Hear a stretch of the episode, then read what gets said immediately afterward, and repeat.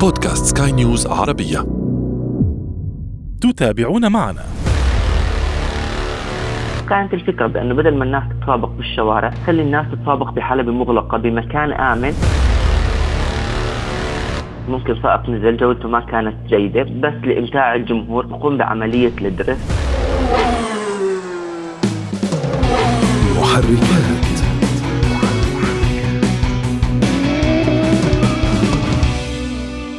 أهلا بكم مستمعينا في محركات برنامج البودكاست الذي يهم كل من يقود أي نوع من المركبات أو حتى يجلس فيها. نحن هنا نهتم بتقوية ثقافة المركبات لديكم وفي كل حلقة نفتح أحد الملفات ولا نغلقه قبل أن نصل إلى نتيجة وتوصيات. أعده وأقدمه لكم أنا أشرف فارس عبر أثير سكاي نيوز عربية. لكل عاشق للسرعه ولكل من يفرغ طاقاته في مركبته الشخصية. دعنا اليوم نعرفكم على سباقات ال autocross وستعرفون في نهاية الحلقة كيف أنها هي الأقرب إلى قلوبكم.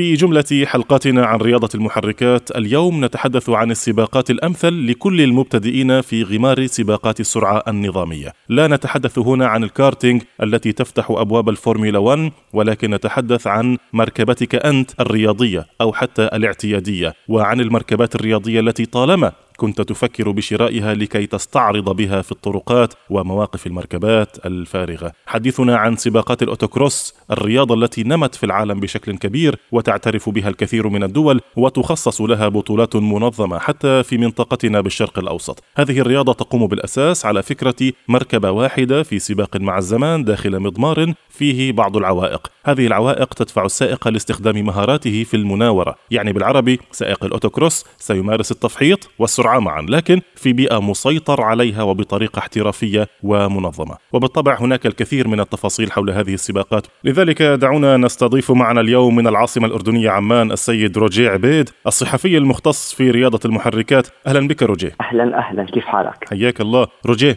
ال autocross قد تكون هي الرياضة الأقرب إلى عشاق السرعة لكن لا يعرفونها بالاسم.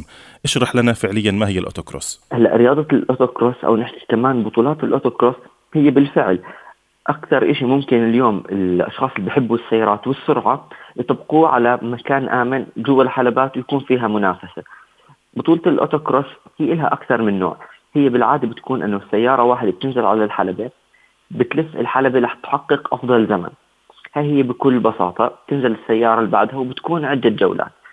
بطولات الأوتوكروس بتختلف من دولة لأخرى ونوع البطولة. فمثلا بطولات بتكون بأنه نحكي مثلا 20 سيارة بلشوا بالجولة الأولى ممكن تكون تصفيات يعني الجولة الثانية بتأهل عدد معين من السيارات الجولة الثالثة بتأهل أسرع سيارات لحتى يكون في صاحب أسرع زمن. في نوع أنواع بطولات بتكون من ال autocross أو ال time attack بتكون أنه جميع السيارات بتشارك بكل الجولات الأولى الثانية الثالثة. لكن هي بكل بساطة بأنه سيارة واحدة بتكون على حلبة بتحقق أفضل زمن في الوقت المخصص لها وهي تعتبر البداية لعالم رياضة السيارات لأنه هي تعتبر ال entry level أو الدخول لعالم السيارات. طبعا ما عم نحكي عن السيارات الأحادية لا عالم رياضة السيارات. فالعديد من السائقين ببلشوا في رياضة ال autocross أو ال time attack أو ال time trial باختلاف تسميتها. بعدين بنطلقوا للبطولات الأكبر اللي إحنا أصلا تحدثنا عليها مثل بطولات يمكن تكون إحنا عندنا المحلية بطولات مثلا ممكن ينتقلوا بيوم من الأيام لل DTM أو البطولات الأخرى. فهي المرحلة الأولى لدخول عالم رياضة السيارات وليست طبعا السيارات الأحادية. طيب روجي جميل جدا. يعني أفهم منك أن سباقات الأوتوكروس هي سباقات في مكان مغلق يتم تتم تحت إشراف آه، آه، إدارة معينة تتم تحت ظروف مسيطر عليها صح؟ صحيح هي بتكون ضمن حلبة. طبعا الحلبة فيها جميع عوامل السلامة تكون الحلبة مغلقة مكان الجمهور بيكون كثير بعيد وأيضا تستخدم فيها جميع القوانين للسباقات. هي نوع من أنواع السباقات. طيب جميل. نحن نرى آه، على التلفاز يعني أنواع سباقات مختلفة. هذا الأمر الذي يحير بعضا من المشاهدين يعني أو المستمعين. يعني آه، نرى سباقات حلبة على شكل فيها مضمار كامل فيها ذهاب وإياب ولفات والتفافات وهناك حلبات فيها مجرد أقماع آه، تقوم السيارة بحركات استعراضية حول هذه الأقماع كما كنا نرى دون ذكر أسماء آه، شركات كبيرة لكن إحدى الشركات ترعى مثل هذا النوع من السباقات بشكل دوري في عدة بلدان. يعني هنا كيف يكون سباق ال autocross؟ يعني أعطيني شوية تفاصيل آه، خلافا لل time attack ما هي التفاصيل الأخرى حول سباقات ال autocross؟ التفاصيل الأخرى بأنه هي تعتمد على أن السائق يحقق أفضل زمن لإله خلال وجوده على الحلبة باختلاف نوعها إن كانت مثلا ال time attack هو بيكون عنده عدد لفات معين ممكن يحقق فيه أفضل زمن. ال time trial بتكون لا هي أنه بيقدر أنه يعني يحقق الزمن تبعه بأكثر من محاولة. ببطولات أخرى من ال autocross معه محاولة واحدة. لكن باختلاف أنواعهم هي الفكرة بأن السائق ينزل على أرض الحلبة يحقق أفضل زمن في الجولة اللي هو موجود فيها. هلأ الاختلاف شكل الحلبات واللي هي لتغيير المسار. لأنه مثلا ببعض البطولات أو ببعض الدول بنشوف بسبب قلة الحلبات المتوفرة فبحطوا الاقماع وبغيروا من مسار الحلبة على أساس أنه تستمر البطولة ويكون فيها أكثر من سباق. فتغيير المسار هو فقط لتغيير الحلبة على السائقين طيب جميل. آه، النقطة التي كنت أود الوصول إليها موضوع التفحيط والتخميس والاستعراض هذا نوع هذا جزء من رياضة الأوتوكروس أم هو مجرد استعراض أم هناك آه، سباقات مخصصة لمثل هذا النوع من الاستعراض؟ أنا أتحدث عن الذين يقومون بال drift تحديدا حول الأقماع. هلا هي هاي بتكون نوع من أنواع الاستعراض. ممكن سائق نزل جولته ما كانت جيدة بس لإمتاع الجمهور بقوم بعملية ال drift أو بلغتنا العامية التشحيط فقط لإمتاع الجمهور لكن رياضة ال autocross هي ما بتعتمد على الانجراف هي بتعتمد على الدخول الصحيح للمنعطفات الخروج الصحيح منها على مناطق الكبح الصحيحة يعني السائق بده يحاول يكون أفضل زمن له في حالة عملية الاستعراض هو رح يفقد أجزاء من الثانية وثواني أكيد رح تخليه يعني يخسر جولته وأكيد ما رح يتأهل للجولة اللي بعدها. طيب جميل. الفكرة متى ظهرت فكرة سباقات ال autocross لأول مرة؟ هلا سباقات ال autocross أو ال time attack هي ظهرت باليابان بمنتصف الستينات. نعرف بأنه اليابان هي آه، من الدول الرئيسية في عالم سباقات السيارات مثل مثل الولايات المتحدة الأمريكية وأيضا قارة أوروبا. لكن هي ظهرت بمنتصف الستينات. كانت الفكرة بأنه بدل ما الناس تتسابق بالشوارع خلي الناس تتسابق بمضمار بحلبة مغلقة بمكان آمن ويكون في إحنا عندنا نوع من أنواع التنافس. طبعا بعدها انتشرت من اليابان وانتقلت للولايات المتحدة الأمريكية صارت بأوروبا بأستراليا وصارت هون في إحنا عندنا التنوع بأنواع البطولات اللي ممكن تنعمل. لكن بشكل رئيسي ممكن نحكي هاي البطولات هي بتكون آه عدد الجولات فيها قليل بين أربعة لست سباقات أو جولات. ممكن نفس الحلبة تأخذ أكثر من سباق بتغيير شكل المضمار المسار بوجود الأقماع. إذا كانت الحلبة كبيره ممكن ياخذوا جزء منها. وهاي الحلبات تتميز بأنه بعضها حلبات بطيئة بعضها حلبات سريعة تناسب جميع السيارات اللي ممكن تشارك. طيب جميل جدا. بما أنك فتحت موضوع الحلبات أنا هنا عندي سؤال عن الفروقات بين الأوتوكروس وبين السباقات الأخرى. على سبيل المثال يعني أتصور الأقرب إليها سباقات السيارات السياحية أو ال touring cars. ما المميز؟ ما الذي يفرق ال autocross عن ال touring cars مثلا؟ أو عن أي سباقات أخرى بسيارات آه، يعني ذات موديلات موجودة في المدينة على سبيل المثال؟ هم الاختلاف هم فرقين رئيسيين. اولا بانه بسباق ال autocross أو ال time attack سيارة واحدة بتكون على الحلبة. يعني ما ممكن نشوف أكثر من سيارة بنفس الوقت على الحلبة. السباقات الأخرى سباقات ال touring ال DTM أي نوع من أنواع السباقات بنشوف بانه جميع السائقين بينزلوا على الحلبة بنفس الوقت. آه بيكون إحنا عندنا السباق ممكن يكون مثلا 30 40 50 لفة حسب طول وحجم الحلبة. لكن بسباقات ال time attack ممكن السائق بينزل مرة واحدة وأيضا لا لفة واحدة. هذا أول فرق. الفرق الثاني بأنه بسباقات ال autocross أو ال time attack أو التايم تريل بنشوف بأنه إحنا عندنا ممكن السائقين ينزلوا بسياراتهم اللي بيستخدموها يوميا. هون بنيجي نحكي لنقطة مهمة واللي هي آه انواع السيارات اللي ممكن تنزل وأيضا تشارك في سباقات ال autocross وال time attack. جميل. هذا هاي النقطة التالية، أنا انتبهت في سباقات ال autocross هناك سيارات مختلفة عن بعضها البعض وهناك اختلاف بالقوة حتى واختلاف بالأشكال، هل هناك فئات معينة للمشاركة؟ يعني حدثني عن هذه النقطة. هلا الفئات اللي هي بتشارك هم بالعادة يعني تقسم حسب كيف دفع السيارة إما فئة الدفع الأمامي أو الدفع الخلفي أو الدفع الرباعي. وأيضا جوا كل فئة من هدول الفئات بيكون في إحنا عندنا تنوع بالسيارات إما سيارة شارع غير معدلة نفس ما طلعت من المصنع. بتصير في إحنا عندنا فئات أخرى مختلفة. مثلا سيارات ممكن عليها تعديلات على المحرك من تيربو على مثلا فلتر الهواء على نظام التعليق. فئة أخرى ممكن يكون في تعديلات أخرى مثل من داخلية السيارة ال roll cage. الفئات واللي هي فئات الأعلى بتكون مثلا واللي هي سيارات ال prototype هي سيارات فقط مخصصة للسباق فقط مخصصة لهذا النوع من أنواع السباقات غير مرخصه على الشوارع.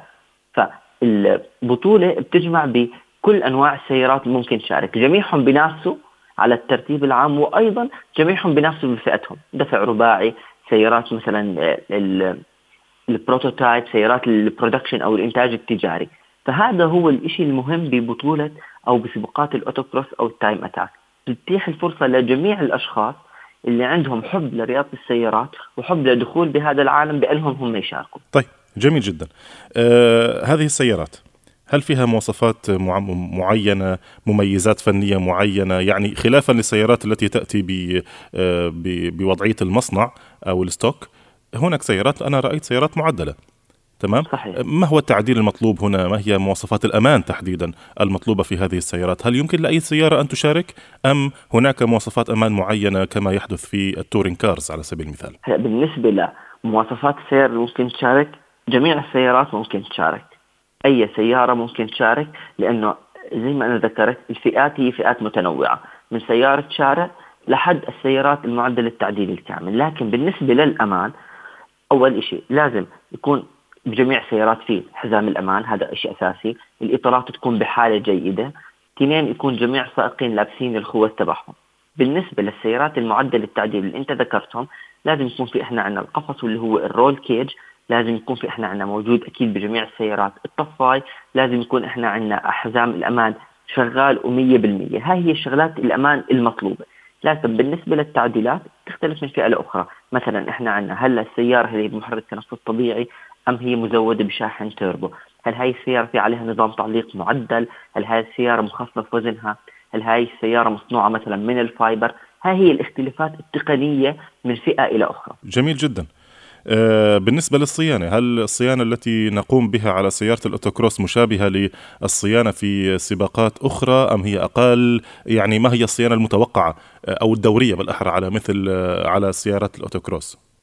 هلا الصيانة اللي بتتم خلال السباق أو خلال البطولة هي بتكون نوعا ما أقل لأنه صحيح السائق بنزل على لفة واحدة وبضغط على سيارته لحتى يحقق نفس الزمن لكن هي بتكون للفه واحدة يعني ممكن السباق الواحد السائق رح ينزل ثلاث لفات. فنوع الصيانة رح يكون أقل. أكيد هي بتكون صيانة لتغيير زيوت السيارة تغيير الفلاتر وأيضا للتحقق من يعني وضعية الإطارات. لكن الاختلاف بينها وبين السباقات الأخرى مثل سباقات ال touring أو أي نوع من أنواع السباقات اللي السائقين بينزلوا على عدد طويل من اللفات لأن السيارة هون رح يكون في عليها ضغط لكن رح يكون أقل مقارنة بالسباقات الأخرى. فخلال السباق بنشوف بالعادة أصلا ما في صيانة تقام للسيارة إلا إذا في صار في حادث صار في عطل ميكانيكي أو فني بالسيارة فقط لا غير. طيب جميل جدا. الحلبات هل فيها اختلاف عن الحلبات في السباقات الأخرى؟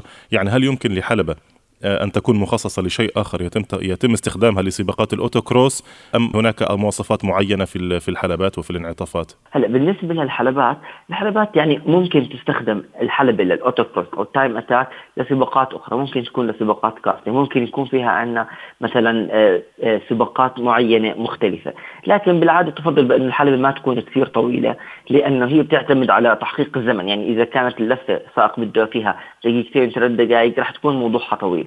فيفضل بالعادة تكون الحلبات قصيرة نوعا ما لكن يمكن إقامة أي نوع من أنواع السباقات الأخرى عليها. ما في مواصفات يعني فقط لحلبات الأوتوكروس.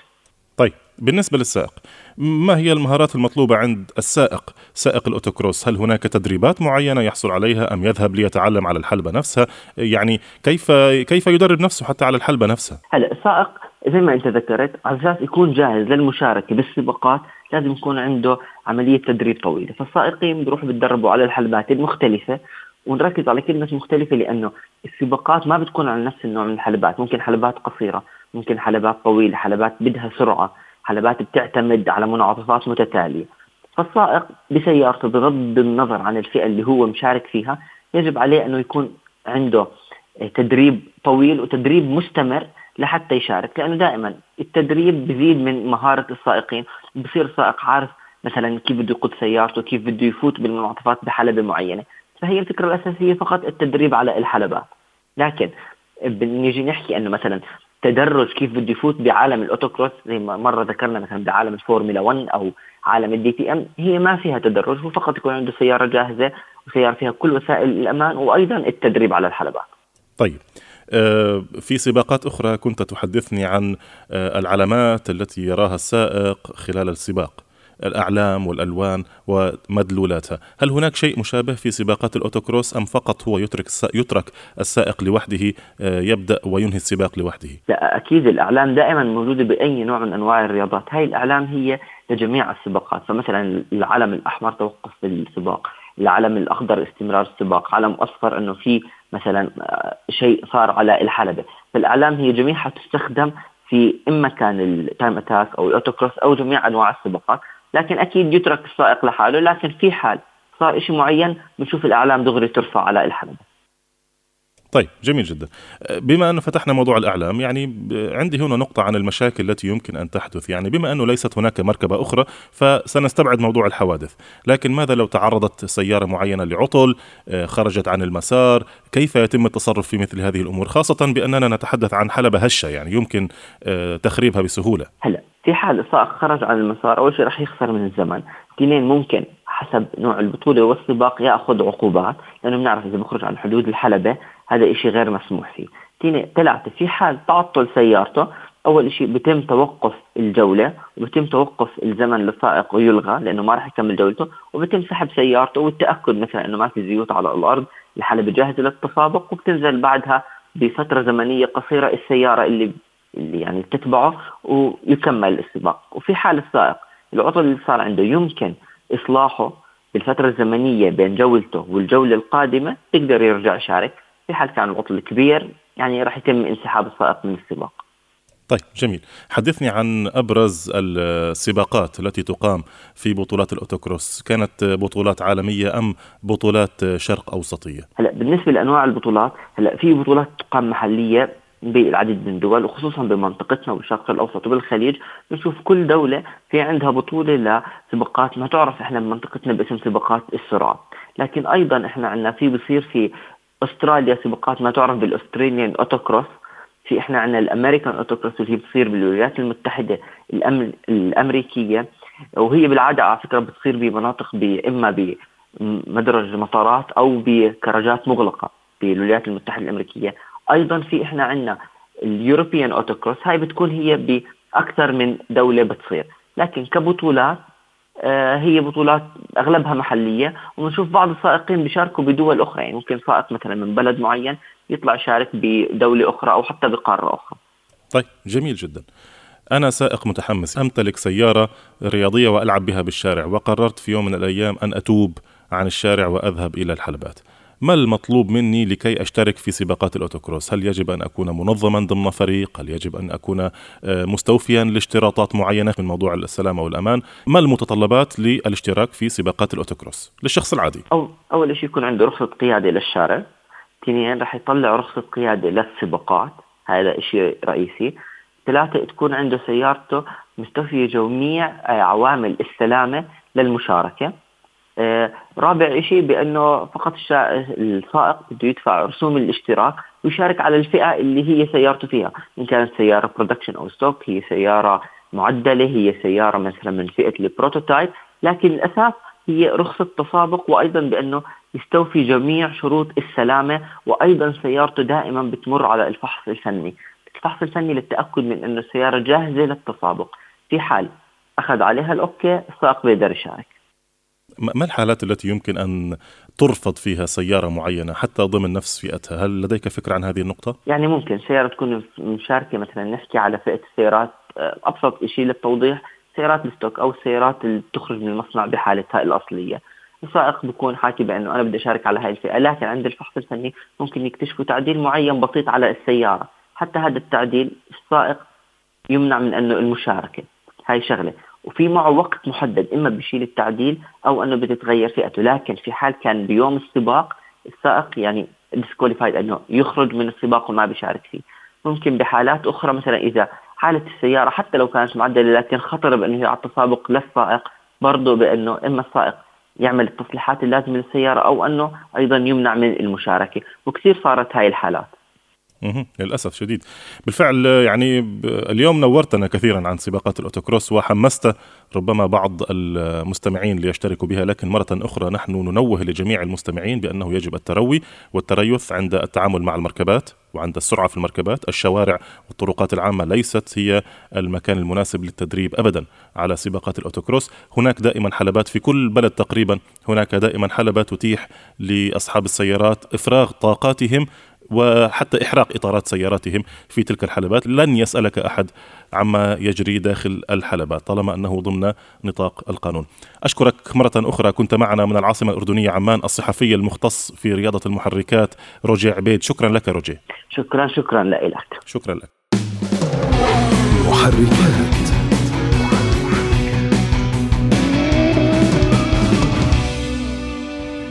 وأنتم مستمعينا الكرام إذا حاز هذا البودكاست على استحسانكم يرجى منكم إعطائه التقييم المناسب. وإذا كانت لديكم أي تعليقات أو تحسينات دائما يسعدنا أن نستقبلها في رسائلكم إلينا عبر مختلف منصاتنا. ونحثكم دائما على ترك التعليق أو التقييم المناسب في التعليقات أو في رسالة إلى إحدى منصاتنا للتواصل الاجتماعي. في الإخراج الفني كان معي إيدي طبيب. في الإعداد والتقديم كنت معكم محدثكم أنا أشرف فارس. نشكركم مرة أخرى على حسن المتابعة. دمتم دائما وأبدا في أمان الله. مع السلامة. محركات.